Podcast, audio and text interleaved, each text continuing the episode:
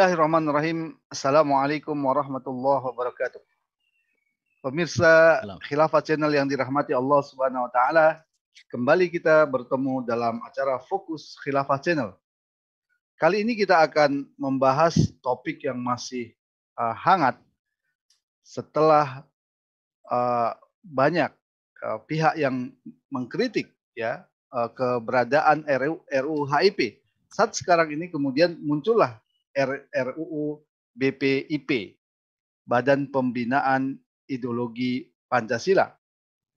Uh, hal ini bukan kemudian mengurangi uh, protes terhadap uh, rancangan undang-undang yang baru ini. Apa yang diprotes dan bagaimana tanggapan dari rezim tentang hal ini? Untuk itu pada malam ini kita akan membahas benarkah RUU BPIP akan menyelesaikan masalah telah hadir di tengah-tengah kita ya uh, narasumber yang sering kita undang, guru-guru besar kita. Pertama Profesor Suteki. Assalamualaikum warahmatullahi wabarakatuh, Prof. Ya, yang kedua uh, guru besar kita juga, Ustadz Ismail Yusanto. Ya. Uh, Assalamualaikum, Ustadz Ismail. Waalaikumsalam warahmatullahi ya. wabarakatuh. Uh, Pemirsa yang dirahmati Allah Subhanahu wa taala, dalam kesempatan ini kita juga uh, mengundang partisipasi uh, pemirsa ya untuk menanyakan hal-hal seputar e, RUU BPIP sebagai pengganti rancangan undang-undang HIP. Baik. Kita mulai dari Profesor Seteki. Profesor Seteki kita tahu menteri-menteri kabinet Indonesia Maju kemarin bertandang ke DPR cukup banyak kelihatan menteri-menteri yang hadir mulai dari Menko Polhukam Mahfud MD juga ditambah dengan Menteri Pertahanan Prabowo ditambah lagi dengan Menteri Dalam Negeri Tito Karnavian ada juga Menteri Hukum dan dan HAM ditambah lagi Menteri Sekretaris Negara. Uh, tampaknya ini sepertinya rancangan undang-undang BPIP ini luar biasa ya.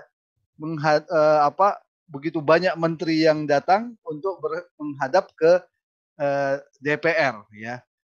Uh, dari sisi ini Profesor ya, bagaimana Profesor melihat begitu banyaknya menteri yang hadir ya da dalam uh, mengusulkan RUU BPIP ini. Dari sisi ini, nah, kira-kira menurut Profesor ada apa di balik kehadiran demikian banyak menteri dari sisi ini? Baik, terima kasih. Assalamualaikum warahmatullahi wabarakatuh. Waalaikumsalam warahmatullahi wabarakatuh. Saya pertama mau mengkritisi untuk judulnya ini ya Mas Farid ya. Jadi ya. judulnya itu kan habis RUU HIP terbitlah RUU BPIP. Mm -mm. Selesaikah masalah? Jadi ini mestinya judulnya karena faktanya itu RUU HIP itu masih ada. Judulnya begini, belum habis RUU HIP terbit Sudah. lagi. Jadi belum habis RUU HIP belum uh, terbit lagi RUU BPIP. Oh iya. Titik dua lengkap sudah derita rakyat. Nah, gitu. ya. Ini judul yang cukup provokatif gitu ya. Jadi lengkap sudah derita rakyat. Iya. Hmm. Saya hmm. katakan begitu karena begini. Uh, di tanggal 16 ya hari Kamis 16 Juli hmm. yang lalu itu saya uh, melihat justru di situ ketika misalnya saya temukan di situ ya, tidak ada kesepakatan DPR dan Presiden dengan surat yang resmi untuk menghentikan dan membatalkan RUU HIP. Nah, sebenarnya waktu itu Pak Mahfud juga mengatakan bahwa sikap pemerintah itu sama, yaitu apa? Menolak RUU HIP. Nah, tapi di situ kan dengan lisan. Itu satu yang harus kita catat. Lalu yang kedua, kalau ini inkonsisten, ya oke okay, itu menolak, justru malah mengajukan RUU baru di luar prolegnas yang disebut dengan RUU BPIP.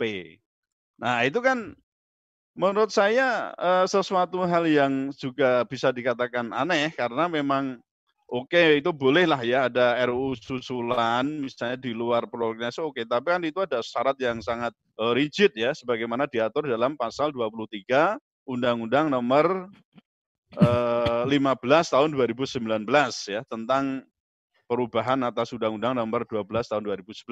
Itu diatur secara rigid.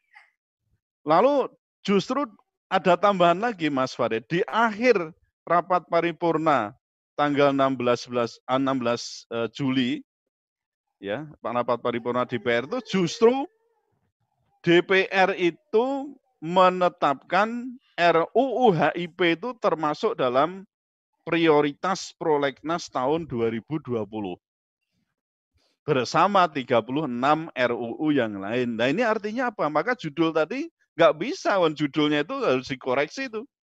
Artinya Karena HIP, RUHIP-nya masih ada, Prof. Di RUHIP masih ada, justru dikatakan ada. sebagai prioritas prolegnas tahun 2020. Loh. Hmm.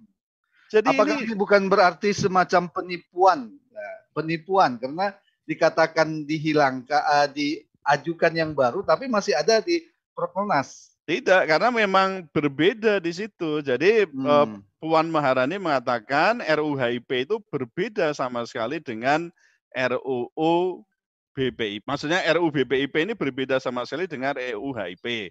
Kenapa begitu? Karena RUU BPIP hanya memuat tentang tugas, fungsi, pokok, lalu tentang struktur BPIP dan beberapa kewenangan-kewenangan yang dimilikinya. Tapi nanti kalau kita lihat lebih lanjut, itu ada misi yang sama, yaitu apa? Ya ingin mencoba untuk menghidupkan kembali ya Pancasila 1 Juni 1945 itu. Itu yang dua ini nafasnya sama. Kalau saya lihat nafasnya sama yaitu Pancasila 1 Juni 1945.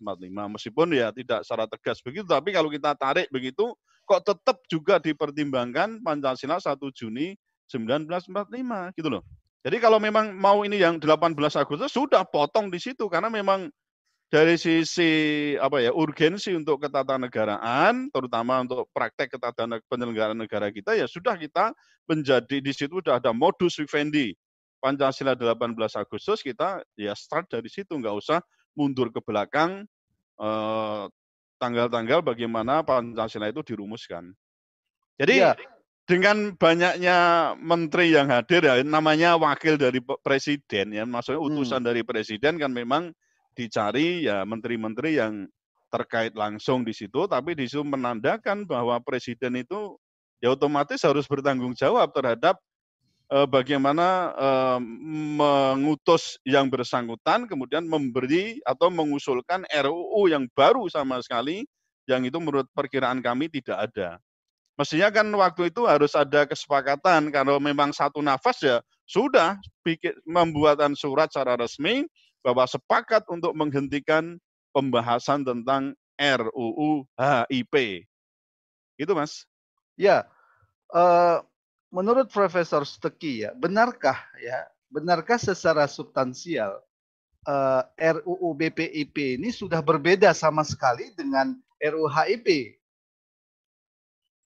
Ya, secara substansi sudah berbeda karena memang di RUU BPIP itu eh, tidak menyinggung lagi persoalan apa itu manusia eh, maksudnya manusia Pancasila, masyarakat Pancasila, kemudian mengenai apa itu mengenai eh, demokrasi ekonomi, demokrasi politik itu tidak banyak disinggung. Jadi hanya menyinggung persoalan apa tugas fungsi pokok dari BPIP ya Uh, kemudian juga kewenangan-kewenangan termasuk misalnya dalam hal ini ada eh, BPIP itu mempunyai peranan yang sangat urgent ketika dalam hal me bisa merumuskan atau di sini dikatakan memiliki kewenangan untuk uh, melakukan pelembagaan nilai-nilai yang berdasar dari ideologi Pancasila. Nah ini nanti yang akan kita kritisi. Jadi kayak misalnya pemerasan Pancasila dari Pancasila menjadi Trisila, Ekasila itu enggak ada, sudah enggak ada sama sekali. Tentang sendi pokok Pancasila enggak ada. Cuma di sini nanti kan persoalannya di sini. Jadi eh, BPIP itu punya tugas atau punya wewenang untuk eh, mengoreksi, kemudian melakukan kajian-kajian yang itu nanti berakhir pada persoalan pemberian rekomendasi. Apakah suatu kelembagaan itu atau suatu peraturan perundang-undangan itu sesuai atau tidak, bertentangan atau tidak dengan Pancasila. Maka nanti fungsinya salah satunya adalah sebagai alat kontrol. Yang itu yang akan kita khawatirkan di sana. Apakah rekomendasi itu sifatnya mengikat, Profesor? Ya, mengikat atau tidak, tapi kalau uh, kelembagaan negara yang dipercaya di bawah presiden itu me, apa namanya ya, uh, membuat rekomendasi, ya lembaga yang lain mana yang bisa menolak. Maksud saya begini, kita ini kan sekarang baik legislatif, eksekutif mau yudikatif itu kan boleh saya katakan trias politika itu sudah ambiar gitu loh ya. Jadi legislatif yo yudikatif, yudikatif yo legislatif artinya ini satu rezim ya. Jadi uh, untuk mengatakan trias, trias politika itu betul-betul ada pemisahan atau mungkin taruhlah pembagian yang strict itu enggak ada cair kita ini. Jadi maksudnya ini satu nafas saya katakan. Jadi eksekutif, yudikatif, legislatif itu satu nafas. Ini yang ya. jadi persoalan kita. Satu lagi, Profesor, uh, menurut fraksi PDIP eh, di DPR uh, menyatakan bahwa Eh, RUU BPIP ini untuk memperkuat ya fungsi dan wewenang dan uh, fungsi tugas dan wewenang dan struktur kelembagaan BPIP yang selama ini hanya berupa uh, berupa peraturan presiden ya. Uh, apa relevansi argumentasi ini, Prof? Ya, saya kira itu terlalu berlebihan. Bahkan saya mengatakan ini adalah lembaga yang overlap dan juga redundant. Saya coba uh, kasih ini Mas, uh, argumentasi yang di saya temukan pada pokok pikiran yang dikeluarkan oleh PBNU ya. Ini PBNU kan mengeluarkan uh, sikap bagaimana menanggapi tentang waktu itu tentang masih tentang RUU HIP ya. Itu ada 10 pokok pikiran yang nanti itu menjadi latar belakang adanya lima sikap dan pandangan PBNU. Nah, di pokok pikiran yang ke-8 itu disebutkan begini. Jadi bahwa obsesi untuk menafsirkan Pancasila secara ekspansif akan menimbulkan ekses negatif berupa menguatnya kontrol negara dalam kehidupan masyarakat. Nah, ini yang kemudian kalimat ini. Penguatan kelembagaan BPIP dapat melahirkan kembali BP7 di zaman Orde Baru yang prakteknya menjadi alat sensor ideologi masyarakat. Nah, jadi Pancasila yang terlalu ambisius itu akan kehilangan roh sebagai ideologi pemersatu yang pada gilirannya dapat menimbulkan benturan-benturan norma dalam masyarakat. Nah ini ini statement dalam pokok pikiran PBNU. Nah, apa kayak begini ya ormas terbesar di Indonesia yang sudah ngomong seperti ini tidak diperhatikan. Kata-kata MUI, rekomendasi MUI, maklumat MUI juga tidak diperhatikan. Nah kok malah bukannya membubarkan BPIP malah mengajukan RUU BPIP. Ini kalau saya ya, waduh, kemarin kan banyak juga kan yang menuntut bahwa BPIP supaya dibubarkan. Karena menurut saya juga itu merupakan epicentrum kegaduhan politik terutama dalam hal ideologi. Banyak tuntutan juga. Nah kok malah dikeluarkan RUU BPIP. Nah kalau terjadi penguatan di sini menurut PBNU juga nggak penting. Nah, kenapa ini? Karena akan mengulang kembali sejarah masa lalu. Di situ ada juga disebut di angka tujuh pokok pikirannya itu terkait dengan monopoli tafsir Pancasila. Nah, ketika ada monopoli tafsir Pancasila ala rezim, pasti itu akan menimbulkan benturan-benturan norma di dalam masyarakat, bahkan ancaman disintegrasi bangsa itu justru akan muncul. Nah, kayak begini itu nggak diperhatikan. Maka uh, saya Prof, katakan yeah. stubborn. Ya, Profesor, ada pihak yang mengatakan uh, mengatakan kekhawatiran itu berlebihan begitu. Kenapa berlebihan? Karena Indonesia Orde Baru dengan sekarang itu sudah jauh berbeda. Ada partai yang relatif mereka katakan uh, berbeda dengan Orde Baru dulu. Uh, demikian juga ada Mahkamah Konstitusi yang bisa kemudian menyelesaikan persoalan kalau terjadi persoalan uh, terkait dengan uh, konstitusi dan kebijakan uh, negara Uh, jadi mereka mengatakan ada pers yang relatif mereka katakan uh, lebih kuat dibanding dengan Orde Baru sehingga kekhawatiran-kekhawatiran yang Profesor sampaikan itu menurut mereka itu berlebihan. Saya kira tidak berlebihan dan tidak lebih ya istilahnya. Enggak lebih kita, tapi kita berangkat dari pengalaman sejarah yang sudah ada. Lah kalau misalnya ada M pikirannya itu, udahlah pokoknya kalau enggak terima nanti aja diajukan di MK. Itu apa kita enggak punya kerjaan atau gimana? Kita hanya akan kegaduan-kegaduan. Ya, oke kita ada mekanisme itu, tapi lebih baik kita akan mencegah daripada ini terus menerus kegaduhan di bidang politik dan ekonomi eh politik dan hukum. Kata orang ekonom negara itu butuh stabilitas ya dalam ekonomi hmm. dalam eh dalam politik juga dalam hukum. Kalau nggak ada stabil eh, politik dan hukum investor lari ya kan? investasinya rendah dan itu kan kata ekonom. Lah ini kok mau pokoknya kalau nggak terima silakan. Itu nggak usah sekolah aja bisa kalau ngomong seperti itu. Tapi kan kita sejak awal tuh begitu membuat undang-undang harus legitimate. Gitu loh. Ini persoalan legitimate. Bagaimana sedapat mungkin sejak awal lu tidak menimbulkan pro kontra yang menimbulkan kegaduhan yang bukan main gitu. Ya ini fungsinya untuk apa istilahnya lawmaking. Pembentukan undang-undang yang sejak awal harus hati-hati, precautionary, kita menyerap betul aspirasi masyarakat. Ketika sudah aspirasi masyarakat TSM ya, terstruktur masif, ya kan? Eh, apa? Eh, terstruktur, sistematis dan masif itu sekian banyak ratusan sampai ratusan ribu sampai jutaan itu lalu kita biarkan, kita abaikan, itu apa benar apa enggak ini dalam demokrasi katanya dari rakyat oleh rakyat untuk rakyat. Ya kalau begini kan dari partai oleh partai untuk partai namanya. lah kocak kalau begini ya kan nggak boleh begini. Nah, suara rakyat harus diperhatikan, bukan suara partai atau apalagi, apalagi cuma fraksi. Nggak bisa begitu. Lah mereka itu, mereka dalam arti Eh, rezim legislator itu lalu mewakili siapa sebenarnya?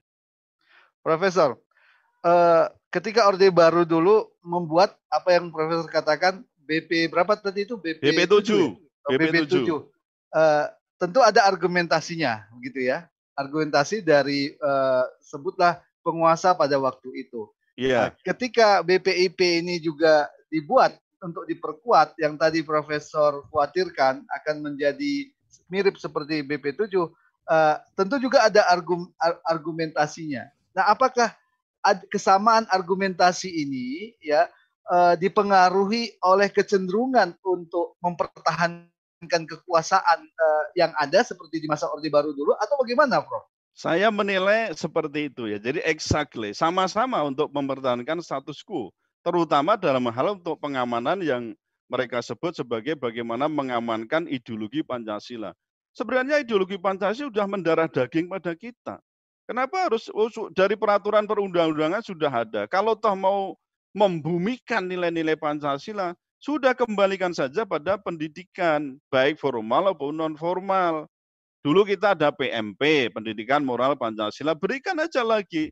Waktu saya bicara di MPR, saya juga menyatakan bahwa Loh kita itu nggak perlu adanya BPIP, sudah tempelkan saja satu ya kegiatan sosialisasi ini kan sudah dihandle oleh MPR ya dengan empat pilar program empat pilar itu itu sudah dilakukan. Lalu kalau mau sampai misalnya, wah sekarang milenial nggak kenal, ya dikenalkan lewat apa? Pendidikan di mana TK, SD, SMP, SMA. Oh, kalau menyebut milenial, apa mereka nggak bisa di, lewat itu? Lalu yang pesantren bisa dimasukkan begitu. Jadi nggak perlu ada lembaga khusus yang nangani tentang pembinaan ideologi Pancasila, yang itu saya katakan sudah redan dan menghabiskan duit. Coba Anda bayangkan dari sisi ekonomi saja, satu tahun itu hampir mencapai satu triliun. Nah, ya, Profesor, apa? terkait dengan tadi ya, eh, sosialisasi tentang Pancasila yang sering dijadikan dasar perlunya diperkuat badan-badan eh, mirip-mirip seperti uh, eh, BPIP ini.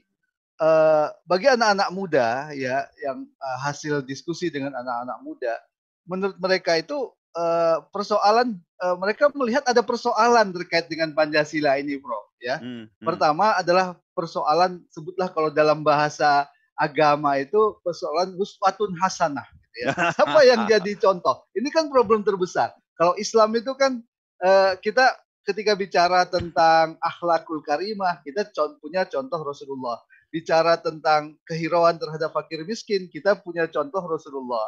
Bicara tentang uh, sistem politik, kita punya contoh Khulafaur Rasidin yang menjalankan sistem politiknya dengan begitu indahnya. Tapi kalau bicara tentang Pancasila, bagi anak-anak muda itu contohnya mana gitu. Nah, ini jadi uh, pertanyaan Prof. Jadi bukan persoalan sosialisasinya, ya, ini saya berusaha menangkap aspirasi anak muda ya, tapi persoalan uswatun hasanah karena anak muda sekarang Prof itu yang penting contoh gitu.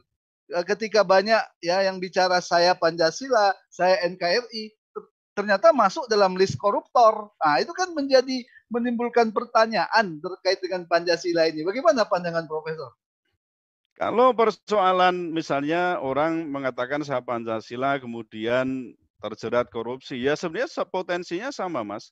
Saya mengaku Islam tapi juga bisa saja terjerat korupsi, kan sama kan? Tetapi persoalan yang di sini tadi kan uh, Mas Farid mengatakan persoalan uswatun hasanah. Ini yang memang tidak kita miliki. Kenapa tidak ada uswatun hasanah? Ya karena memang uh, apa ya istilahnya uh, penafsiran Pancasila, kalau kita ngomong itu sebenarnya kan yang paling penting, sebenarnya kan Pancasila sebagai dasar negara. Nah, Pancasila sebagai dasar negara ditafsirkan dalam bentuk batang tubuh Undang-Undang Dasar 45. Itu mestinya kita yang batang tubuh yang sekarang ini sudah jauh berbeda dari batang tubuh yang sebelumnya.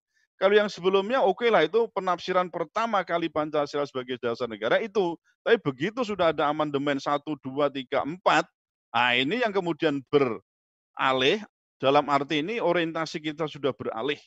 Ya, jadi kiblat kita sudah beralih dari yang dulu taruhlah begitu ya, kita mengutamakan persoalan adanya demokrasi ekonomi, demokrasi Pancasila, macam-macam semakin mengarah pada demokrasi yang sangat liberal. Jadi kapitalisme itu kita sudah mengadopsi itu bukan main di situ. Nah, lalu yang terjadi apa? sebenarnya para penyelenggara negara yang mestinya menjadi uswatun hasanah itu ternyata justru membelokkan dari prinsip-prinsip Pancasila itu menjadi prinsip-prinsip yang kapit, eh, liberal kapitalisme melalui apa? kebijakan-kebijakan yang diambil. Kebijakan apa? Kebijakan publik. Contohnya apa? Peraturan perundang-undangan.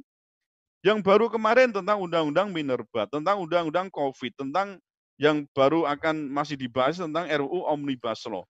Ini kan semuanya mengarah pada persoalan kapitalisme. Anda mungkin mengatakan, ah Pak Teki mengada-ada. Tidak, silakan digali sampai yang terdalam. Ya, jadi eh, ketiadaan contoh itu kemudian dibuktikan dengan pembelokan atau taruhlah di sini ada disorientasi ya yang mestinya itu mengarah Pancasila tetapi justru yang diarahkan itu pada kapitalisme. Tapi ini juga nggak salah. Kenapa? Karena Pancasila itu sampai sekarang saya katakan sebagai tabula rasa. Jadi itu kertas kosong yang sebenarnya siapa pun bisa menulis. Nah yang sudah terbukti itu kan komunisme gagal. Kapitalisme sudah jelas gagal. Nah yang belum terbukti itu apa? Pancasila diisi dengan nilai-nilai utama dari Islam. Boleh enggak? Ya mestinya boleh. Apalagi sila pertama kita adalah ketuhanan yang Maha Esa pasal 29 ayat 1 menyatakan negara berdasar atas ketuhanan yang Maha Esa. Jadi Tapi Profesor, ini, maaf, saya potong ya. Profesor. Tapi kenapa argumentasi yang kerap kali dilontarkan oleh pihak yang uh, menolak ya penerapan syariat Islam lah sebagai aspirasi. Uh, kalau yang menurut Profesor tadi itu sah-sah saja kan dalam sebuah negara Pancasila. Uh, mengingat Pancasila dalam posisi seperti tadi Uh, tapi kenapa argumentasi yang sering muncul ya ketika uh, setiap kali ada pihak yang ingin menerapkan syariat Islam menuduh anti Pancasila?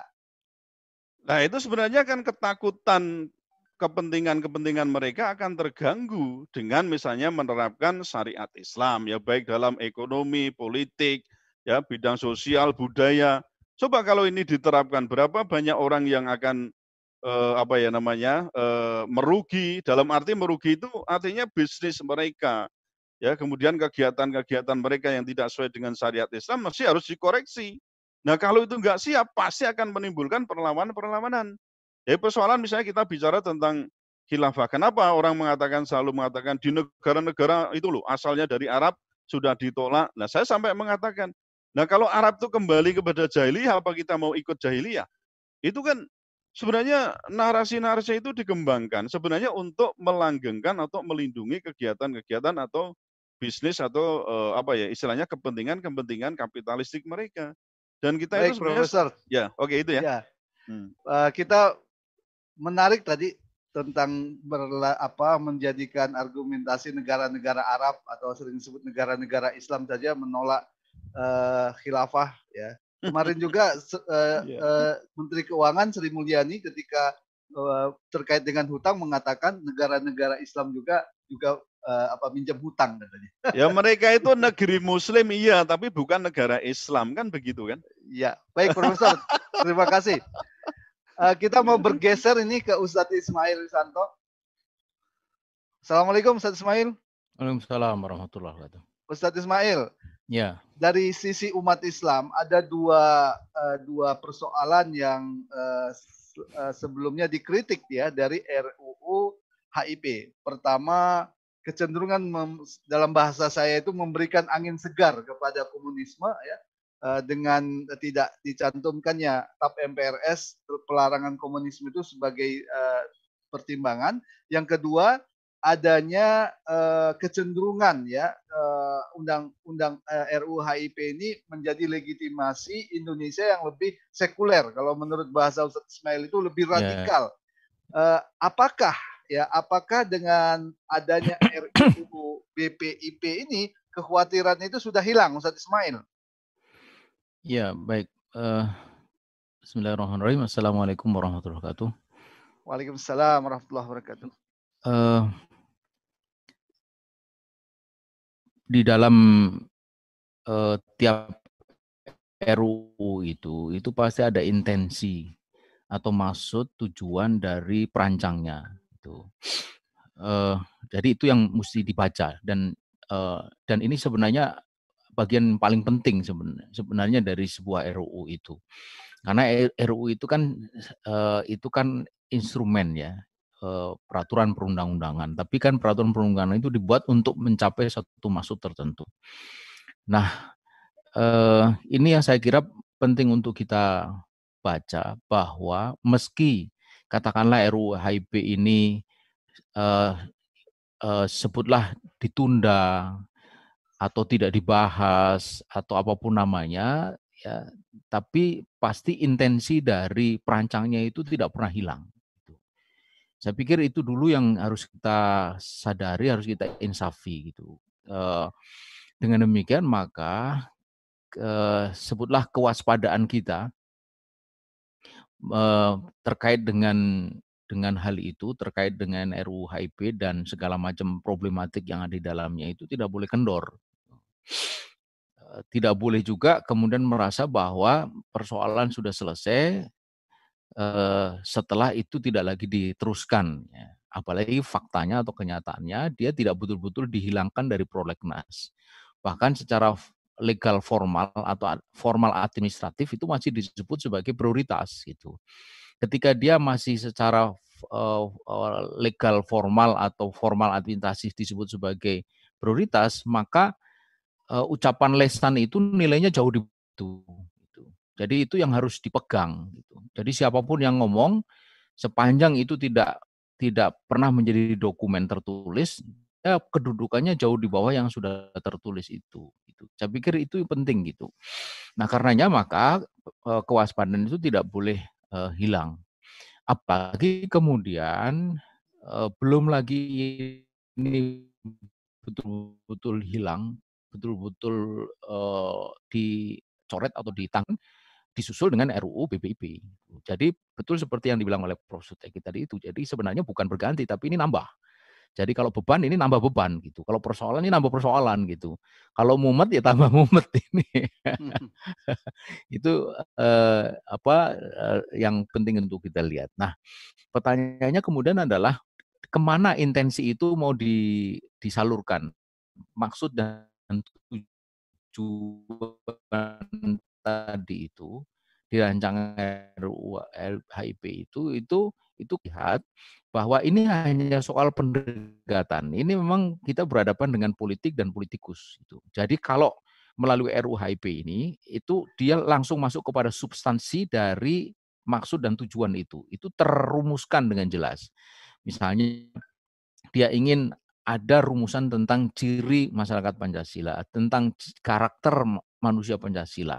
Dia ingin seperti itu karena itu akan menjadi menjadi pegangan legal formal di dalam menilai, dalam memaksa publik untuk bersikap ber, bertindak dan berpikir seperti itu dan siapa saja yang tidak seperti itu akan dianggap sebagai uh, bertentangan ya uh, melalui RUHP itu dicoba begitu tapi ini kan tidak berhasil nah mereka kemudian melakukan pendekatan lain yaitu pendekatan kelembagaan gitu jadi kalau yang kemarin itu melalui pendekatan uh, sub, uh, rumusan substansial, kalau sekarang ini melalui kelembagaan, di mana kelembagaan itu nanti diharapkan bisa bekerja sampai kepada perumusan tadi gitu. Nah, dari mana kita bisa membaca? Dari dari pasal-pasal yang ada di sana gitu. Misalnya di pasal 7 itu dikatakan BPIP mempunyai tugas. Nah, jadi ini kelembagaan ya, mempunyai tugas membantu presiden, membantu presiden, ya. Nah, presidennya sekarang siapa? Presidennya itu adalah eh, adalah eh, apa istilahnya eh, petugas partai, ya, gitu. Jadi BPI itu membantu presiden, ketua BPI-nya, ketua pengarahnya itu presiden partai yang presidennya itu adalah uh, petugasnya gitu. Jadi sebenarnya ini unik ini kalau kita baca di dalam konteks politik sekarang ini gitu. Jadi siapa ngikut siapa sebenarnya ini? BPIP membantu presiden atau sebenarnya presiden membantu ketua dewan pengarah BPIP? Apa merumuskan arah kebijakan pembinaan ideologi Pancasila, melakukan koordinasi. Oke, sampai di sini enggak enggak ini ya. Tetapi di bawahnya itu ada melembagakan nilai-nilai Pancasila dalam sistem pendidikan nasional. Itu ya.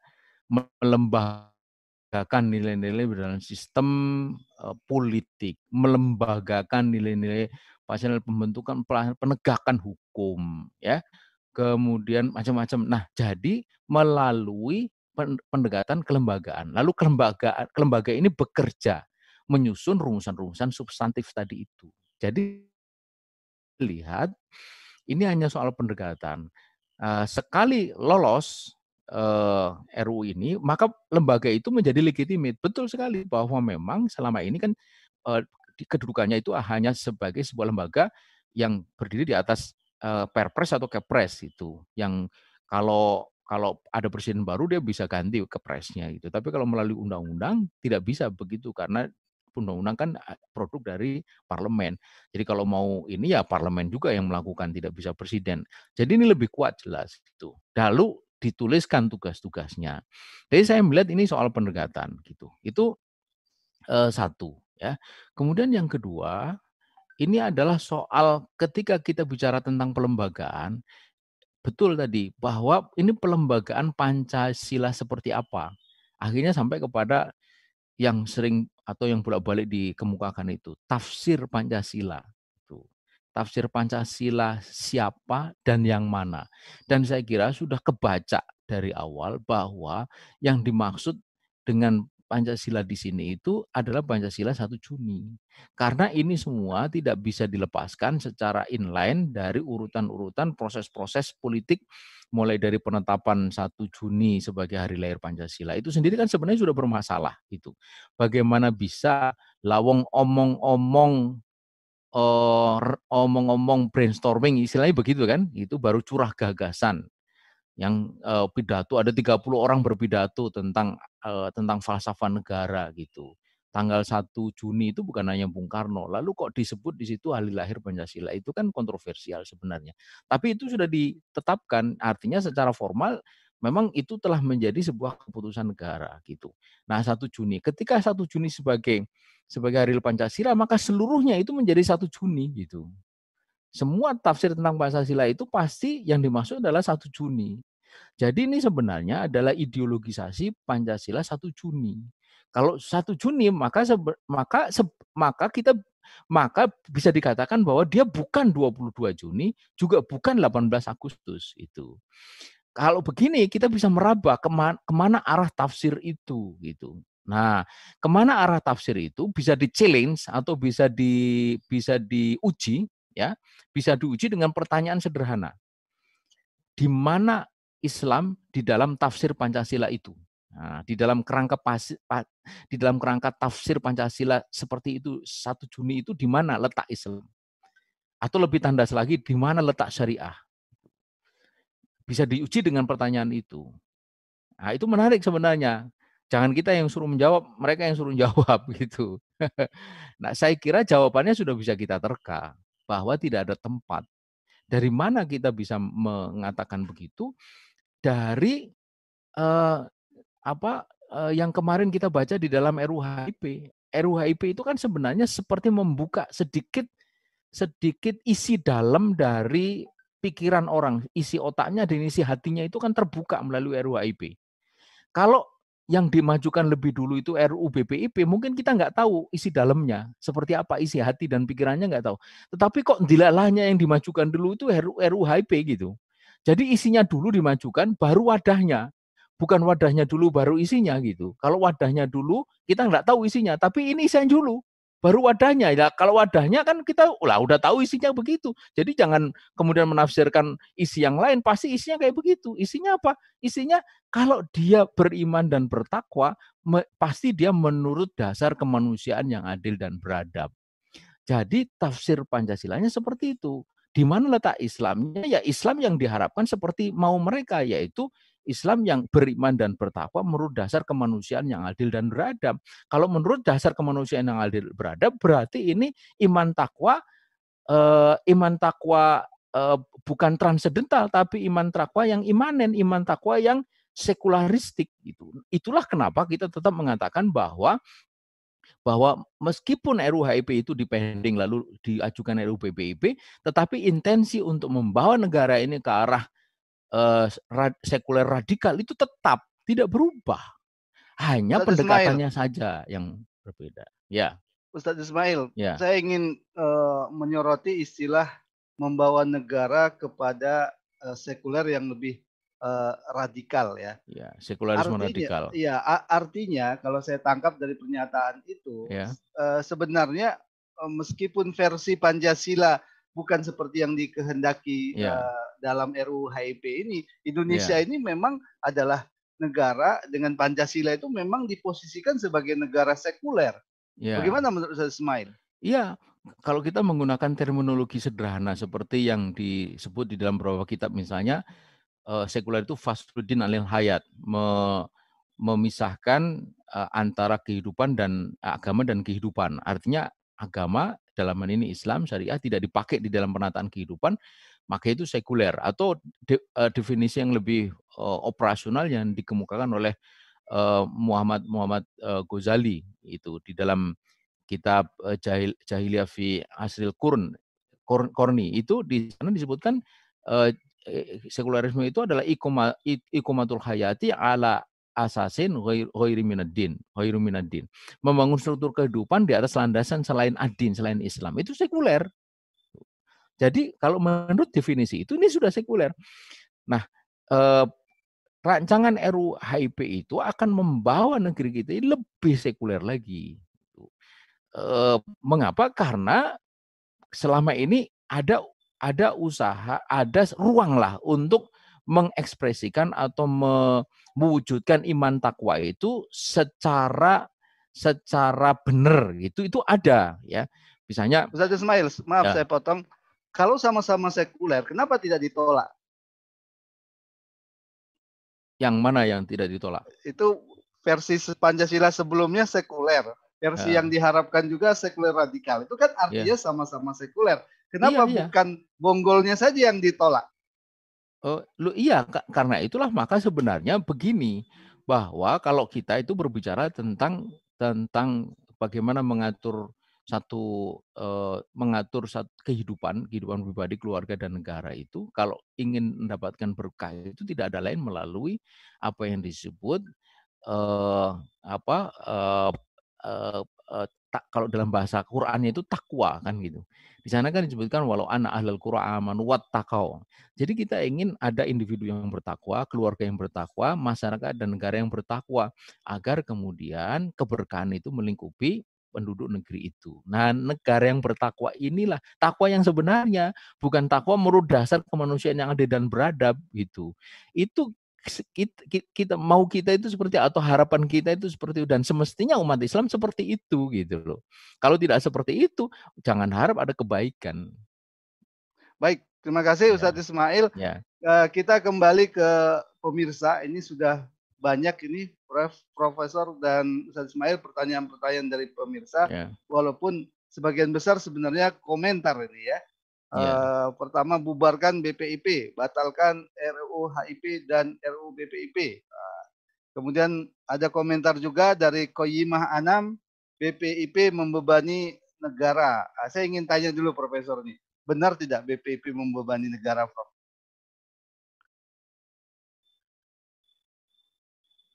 Tolong dihidupkan dulu, Prof. Itu aja di moodnya. Mohon maaf. Ya. ya. Jadi tadi saya sudah menyampaikan bahwa perkiraan anggaran dalam satu tahun itu kan 900 sekitar 915 miliar. Jadi hampir satu triliun kan itu satu tahun. Nah, otomatis itu kan menjadi beban. Kenapa saya katakan beban? Karena kalau tidak diadakan BPIP pun Indonesia tidak akan bubar. kecuali kalau NKRI ini bubar karena tidak ada BPIP, nah itu baru tidak jadi beban. Tapi ketika ini tidak ada BPIP pun NKRI tetap ada, tetap tegak. Kenapa begitu? Karena untuk penguatan ideologi Pancasila ya, kita sudah punya TAP MPRS 25 tahun 66. Kita punya Undang-Undang nomor 27 tahun 99. Kita punya undang-undang eh punya pasal 107 Kitab Undang-Undang Hukum Pidana kita punya TAP MPR nomor 6 tahun 2001. Itu sudah cukup, lebih dari cukup untuk penguatan Pancasila. Nah kalau untuk mau pembumian, nah, kita sudah memberikan solusi. Kembalikan lagi pendidikan moral Pancasila itu pada setiap jenjang pendidikan baik formal maupun non formal. Selesai, lo mau apa? Gitu loh. Kalau mau lebih lagi ya itu bapak ibunya di rumah suruh ngajari Pancasila itu. Ya kan? Kenapa tidak bisa begitu? Loh kalau mau begitu, mau menghambur-hamburkan uang, sementara kita ini, tadi saya katakan ketimpangan sosial kita masih tinggi. Ya toh, kemiskinan kita masih mungkin sekarang mungkin di atas 30 juta orang yang miskin. Itu yang di atas, yang pas garis, yang di bawah garis kemiskinan, yang pas garis kemiskinan, yang di atas sedikit garis kemiskinan. Berapa banyak? Nah kenapa nggak dipakai uang seperti ini untuk mendanai Nah kemarin malah soal bicara tentang pilkada, saya ngomong ini kan biaya untuk pilkada serentak tahun ini itu sekitar 19,7 triliun. Loh, tinggi loh mas ini ya. Eh, saya mengusulkan kenapa nggak bikin perpu saja untuk masa pandemi ini kita pemilihan kepala daerahnya itu lewat DPRD. Nggak usah pakai yang langsung. Loh perpu besok dibikin aja bisa kok kalau niat. Nah, 19,7 triliun itu kita pakai untuk mengentaskan kemiskinan, penanganan aspek ekonomi karena COVID untuk kesehatan dan seterusnya. Gitu loh mikirnya itu. Nah, ini pikirannya orang desa ya. Maksudnya saya kira itu penghematan-penghematan gampangnya kalau orang kita ngomong itu kencangkan tilat eh, ikat pinggang kita. Ya cara-cara itu, cara bernas ini yang harus kita lakukan. Bukan malah mengadakan lembaga-lembaga. Lah kemarin saya tuh mikir ada berapa itu, 18 atau 16 uh, kelembagaan yang dibubarkan. Saya pikir itu BPIP mau dibubarkan di situ. Eh ternyata malah ada RUU BPIP. Nah, koplak toh. Jadi kadang-kadang, waduh, baik yang kita harapkan sebenarnya harus di saya, saya katakan karena itu sudah redundant ya, sudah overlap dan redundant. Maka lebih baik karena ini sebagai epicentrum kegaduhan dan juga pemborosan keuangan negara, lebih baik BPIP-nya yang dibubarkan.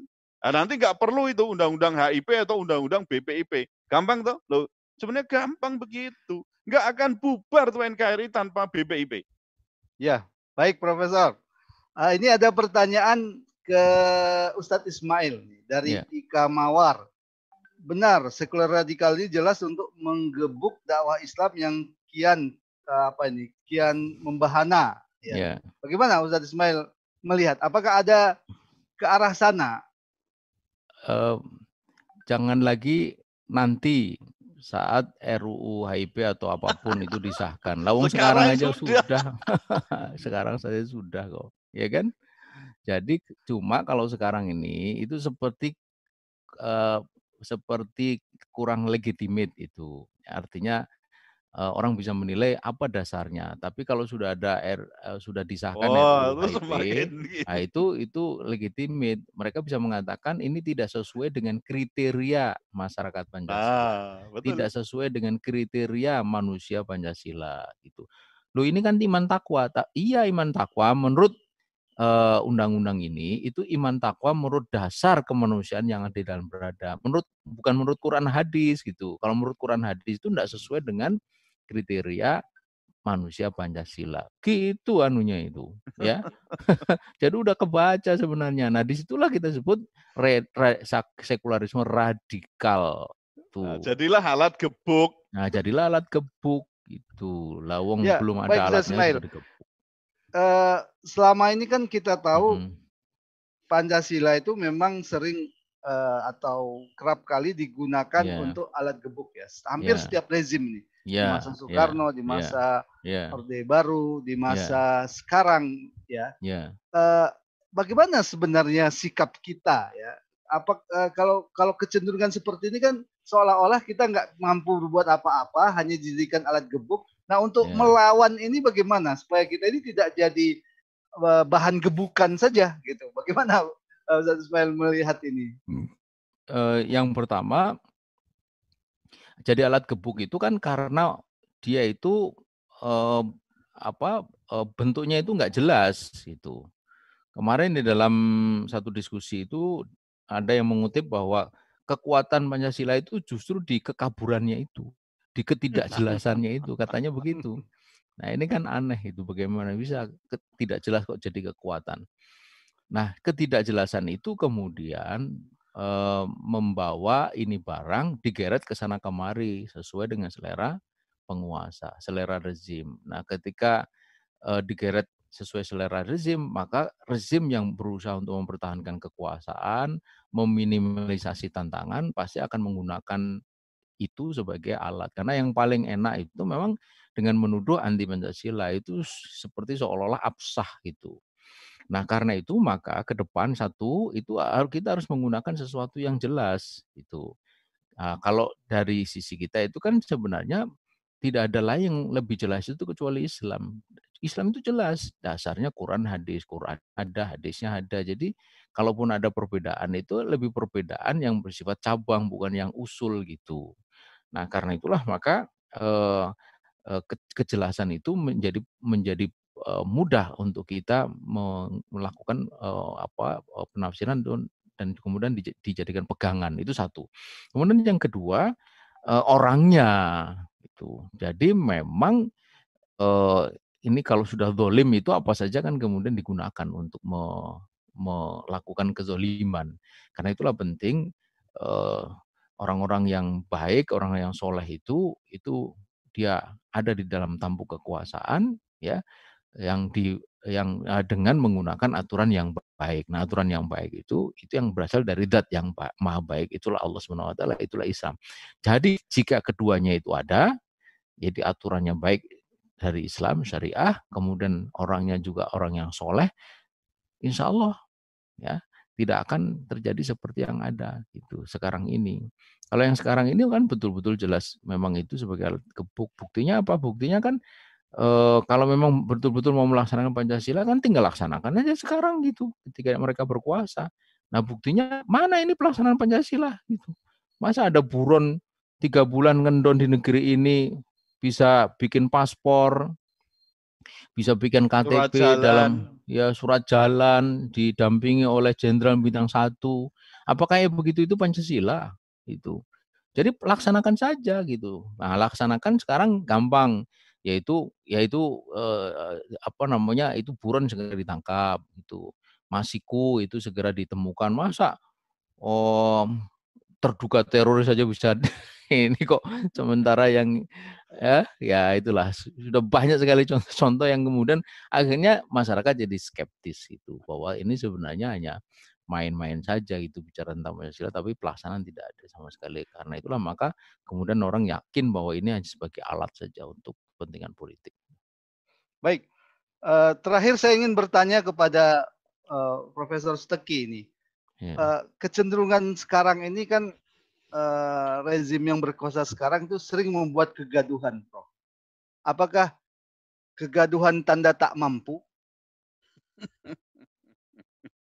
Kata orang itu kan ada mem eh, ada kera banyak yang menguasai mobil ya, tapi tidak mampu menjalankan. Nah ini yang saya sebut oklokrasi. Ini kalau di hmm. eh, polibios, eh, siklus polibios kita ini sedang memasuki jadi tidak di demokrasi lagi, kita sudah memasuki namanya era sistem pemerintahan yang oklokrasi. Hmm. Yaitu sistem pemerintahan yang dihandle, disetir oleh orang-orang yang sebenarnya perusak. Nah, itu sebenarnya siapa perusak ya kita cari. Maka kita jangan berharap kalau negeri ini akan semakin baik ketika ya ketika ini ya dipegang oleh orang perusak bukan seorang pembangun. Jadi kita ya setelah oklokrasi ini nanti kita akan memasuki yang lebih parah lagi yaitu namanya uh, monarki. Nah, monarki ini uh, ada juga yang selain monarki, misalnya Ian Dallas itu mengatakan ada kemungkinan bangkitnya New Caliphate. Jadi ada kebangkitan uh, khilafah kekhalifahan baru. Nah itu ada itu ramalan ya, maksudnya kan itu prediksi sesuai dengan uh, siklus polibios itu. Jadi uh, Mas Farid kalau kita berharap pada apa ya sistem yang sebenarnya kurang baik ya yang atau yang tidak baik atau kita di negara dikendalikan oleh orang-orang yang tidak berkompeten justru menjadi perusak maka kita di, tidak bisa berharap bahwa negara ini akan menjadi baldatun toyibatun warubun ghafur itu akan sulit sekali untuk diraih ya tadi Ustadz Ismail sudah mengatakan lawang mencari satu orang itu loh buronan wes jelas. Ya e, maksudnya jelas itu dalam arti uh, orangnya itu saya kira kemarin saya bikin meme itu di Facebook, eh bukan meme, maksudnya status di Facebook, lah ya sudah ada BIN, ya, ada Sandi Negara, ada Interpol, terus ada apa lagi, macam-macam yang kita punya itu, tapi mengapa mencari Harun Masiku dan kemudian mencari Joko Chandra aja kok kita ini kesulitan gitu loh. Ini kan persoalan besar. Mau dicari atau dibentuk tim pemburu korupsi misalnya. Ya, kalau hantu aja ada itu tim pemburu hantu itu masa kita nggak bisa ada tim pemburu koruptor gitu ya yang bisa kita andalkan. Nah ini persoalan komitmen bagaimana kita mengamalkan betul-betul kalau kita berkomitmen dengan Pancasila ya betul seperti kata Ustadz Ismail itu eh, jalankan aja itu di tingkat kelembagaan negara karena kuncinya adalah pada penyelenggara negara. Jangan mengejar-ngejar rakyat, mengejar masyarakat untuk menjalankan Pancasila sementara para penyelenggara negara sendiri itu asik ya dengan eh, segala kepentingannya justru menjauh dari nilai-nilai Pancasila. Baik, terima kasih Profesor. Terima kasih Ustadz ya. Ismail Yusanto. Ya, sama-sama Mohon maaf waktu kita uh, sangat terbatas karena yang menonton kita ini bukan hanya waktu Indonesia bagian barat, Prof, tapi juga waktu Indonesia bagian timur. Iya, ya, kita iya. Cukup iya. kasihan ke teman-teman ya yang sudah cukup larut uh, malam. Eh, pemirsa yang dirahmati Allah Subhanahu wa taala, demikian tadi pembahasan kita uh, yang tadi judulnya sudah diganti oleh Profesor Suzuki ya. Tetap ada RUU HIP, muncul lagi uh, RUU uh, BPIP. Jadi saya ulang Mas, jadi belum ya. habis RUU HIP, terbitlah lagi RUU BPIP lengkap sudah derita rakyat. Ya. Wah, mantap. Saya kira itu kesimpulan dari rapat dari rapat dari diskusi kita pada pada apa pada malam ini. Terima kasih. Assalamualaikum warahmatullahi wabarakatuh. Waalaikumsalam warahmatullahi wabarakatuh. Saya Ismail, sampai ketemu lagi. Prof. Ya, terima kasih Prof. Menuntut ilmu agama adalah wajib bagi setiap muslim. Di zaman ini, kita dapat melakukannya kapan pun dan di mana pun. Meski masa pandemi sedang berlangsung, tetapi tak ada alasan untuk tidak menambah kapasitas diri dengan sakofah Islam.